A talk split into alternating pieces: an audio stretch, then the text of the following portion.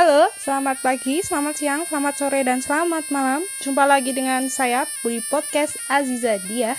Kali ini saya akan bercerita dari daerah Padang yang berjudul Legenda Asal Mula Kolam Sampuraga. Langsung saja ya.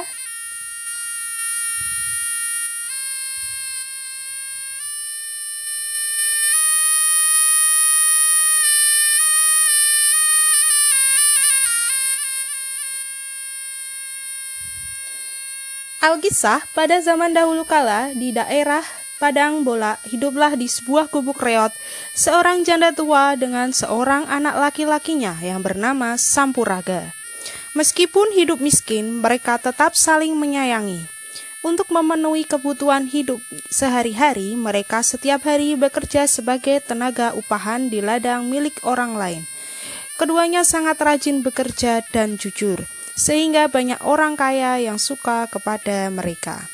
Pada suatu siang, Sampuraga bersama majikannya beristirahat di bawah sebuah pohon yang rindang. Setelah bekerja sejak pagi, sambil menikmati makan siang, mereka berbincang-bincang dalam suasana akrab. Seakan tidak ada jarak antara majikan dan buruh. Wahai Sampuraga, usiamu masih sangat muda. Kalau boleh saya menyarankan sebaiknya kamu pergi ke sebuah negeri yang sangat subur dan penduduknya hidup makmur, kata sang majikan. Negeri manakah yang Tuhan maksud? Tanya Sampuraga penasaran. Negeri Mandailing namanya. Di sana rata-rata penduduknya memiliki sawah dan ladang. Mereka juga sangat mudah mendapatkan uang dengan cara mendulang emas di sungai. Karena tanah di sana memiliki kandungan emas jelas sang majikan. Keterangan sang majikan itu melambungkan impian sang sampuraga. Sebenarnya, saya sudah lama bercita-cita ingin pergi merantau untuk mencari pekerjaan yang lebih baik. Saya ingin membahagiakan ibu saya, kata Sampuraga. Cita-citamu sangat mulia, Sampuraga. Kamu memang anak yang berbakti, puji sang majikan. Sepulang dari bekerja di ladang majikannya, Sampuraga kemudian mengutarakan keinginannya berserbut kepada ibunya. Bu, Raga ingin pergi merantau untuk mencari pekerjaan yang lebih baik. Raga ingin mengubah nasib kita yang sudah lama menderita ini, kata Sampuraga kepada ibunya. Ke manakah engkau pergi merantau anakku? Tanya ibunya. Ke negeri Mandailing, Bu, Pemilik ladang itu yang memberitahu Raga bahwa penduduk di sana hidup makmur dan sejahtera. Karena tanyanya yang sangat subur, kata Sampuraga. Pergilah anakku, meskipun ibu sangat khawatir kita tidak bisa bertemu lagi karena usia ibu sudah semakin tua.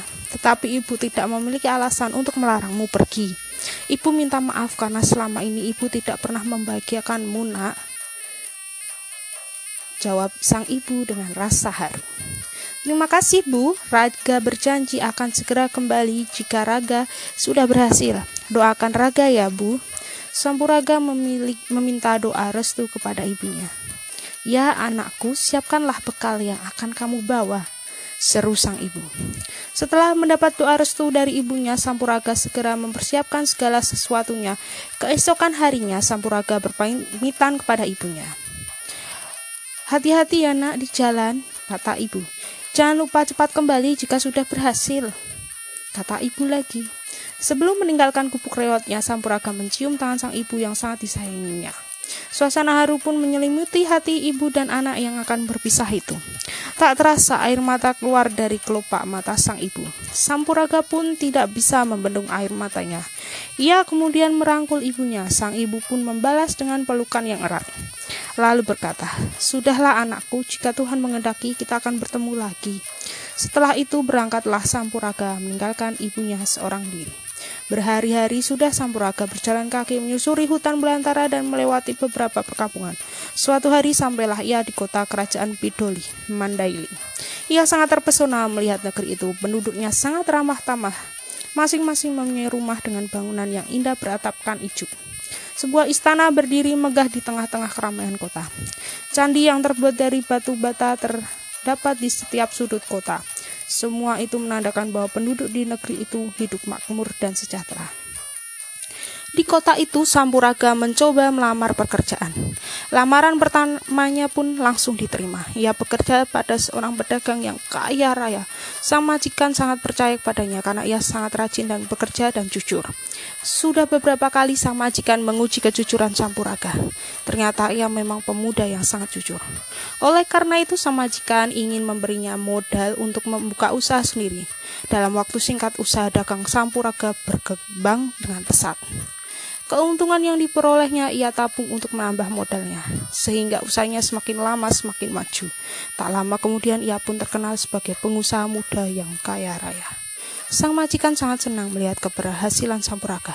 Ia berkeinginan menikahkan Sampuraga dengan putrinya. Raga, engkau adalah anak yang baik. Maukah engkau aku jadikan menantuku?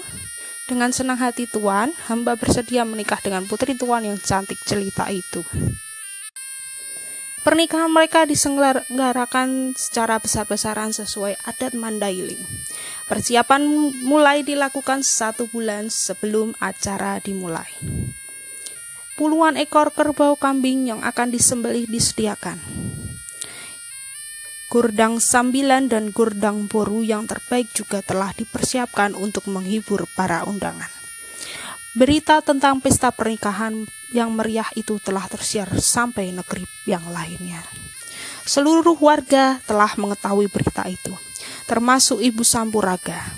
Perempuan tua itu hampir tidak percaya jika anaknya akan menikah dengan seorang gadis bangsawan yang sangat kaya raya.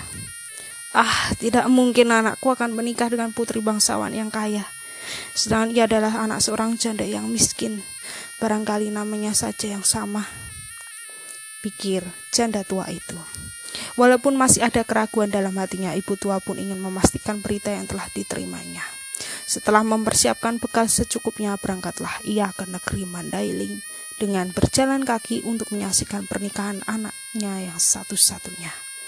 Setibanya di wilayah kerajaan Pidoli, tampaklah sebuah keramaian dan terdengar pula suara gordang sambilan bertalu-talu.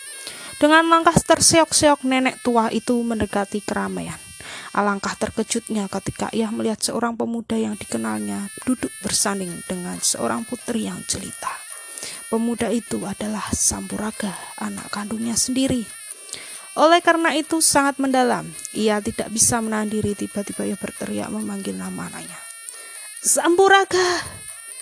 Sampuraga sangat terkejut mendengar suara yang sudah tidak asing di telinga. Ah, tidak mungkin itu suara ibu, pikir Sampuraga sambil mencari-cari sumber suara itu. Beberapa saat kemudian tiba-tiba seorang nenek tua berlari mendekatinya. Sampuraga anakku, ini aku ibumu nak. Seru nenek tua itu sambil mengulurkan kedua tangannya hendak memeluk Sampuraga. Sampuraga yang sedang duduk bersanding dengan istrinya bagai disambar petir. Wajahnya tiba-tiba berubah menjadi merah membara seakan-akan terbakar api. Ia sangat malu kepada para undangan yang hadir karena nenek tua itu tiba-tiba mengakuinya sebagai anak. Hei perempuan jelek, enak saja kamu mengaku-ngaku sebagai ibuku. Aku tidak punya ibu jelek seperti kamu. Pergi dari sini, jangan mengacaukan acaraku. Hardik Sampuraga. Sampuraga anakku, aku ini ibumu yang telah melahirkan dan membesarkanmu. Kenapa kamu melupakan ibu? Ibu sudah lama sekali merindukanmu. Rangkullah ibu nak, iba perempuan itu. Tidak, kau bukan ibuku. Ibuku sudah lama meninggal dunia. Algojo, usir nenek tua ini, perintah Sampuraga. Hanti Sampuraga benar-benar sudah tertutup. Ia tega sekali mengingkari dan mengusir ibu kandungnya sendiri. Semua undangan yang menyaksikan kejadian itu menjadi terharu. Namun tak seorang pun yang berani menengahinya. Perempuan tua yang malang itu kemudian diseret oleh dua orang sewaan Sampuraga untuk meninggalkan pesta itu dengan derai air mata. Perempuan tua itu berdoa. Ya Tuhan, jika benar pemuda itu adalah Sampuraga, berialah ia pelajaran. Ia telah, ia telah mengingkari ibunya sendiri. Seketika itu juga tiba-tiba langit diselimuti awan tebal dan hitam. Petir menyambar bersaut-sautan. Tak lama kemudian hujan deras pun turun. Suara guntur yang menggelegar seakan memecah gendang telinga. Seluruh penduduk yang hadir dalam pesta itu berlarian menyelamatkan diri. Sementara ibu Sampuraga menghilang entah ke mana. Dalam waktu singkat, tempat penyelenggaraan pesta itu tenggelam seketika. Tak seorang penduduk pun yang selamat, termasuk Sampuraga dan istrinya. Beberapa hari kemudian tempat itu telah berubah menjadi kolam air yang sangat panas. Di sekitarnya terdapat beberapa batu kapur berukuran besar yang bentuknya menyerupai kerbau. Selain itu juga terdapat dua unggukan tanah berpasir dan lumpur warna yang bentuknya menyerupai bahan makanan. Penduduk setempat menganggap bahwa semua itu adalah pencilmaan dari upacara pernikahan Sampuraga yang terkena kutukan. Oleh masyarakat setempat, tempat itu kemudian diberi nama Kolam Sampuraga. Nah, sudah selesai ceritanya. Makanya, jadi seorang anak itu jangan durhaka ya. Tetap sayangi orang tua kamu. Seburuk-buruknya orang tua kamu itu adalah juga orang tuamu. Oke, sampai jumpa, sampai ketemu lagi di cerita selanjutnya. Bye.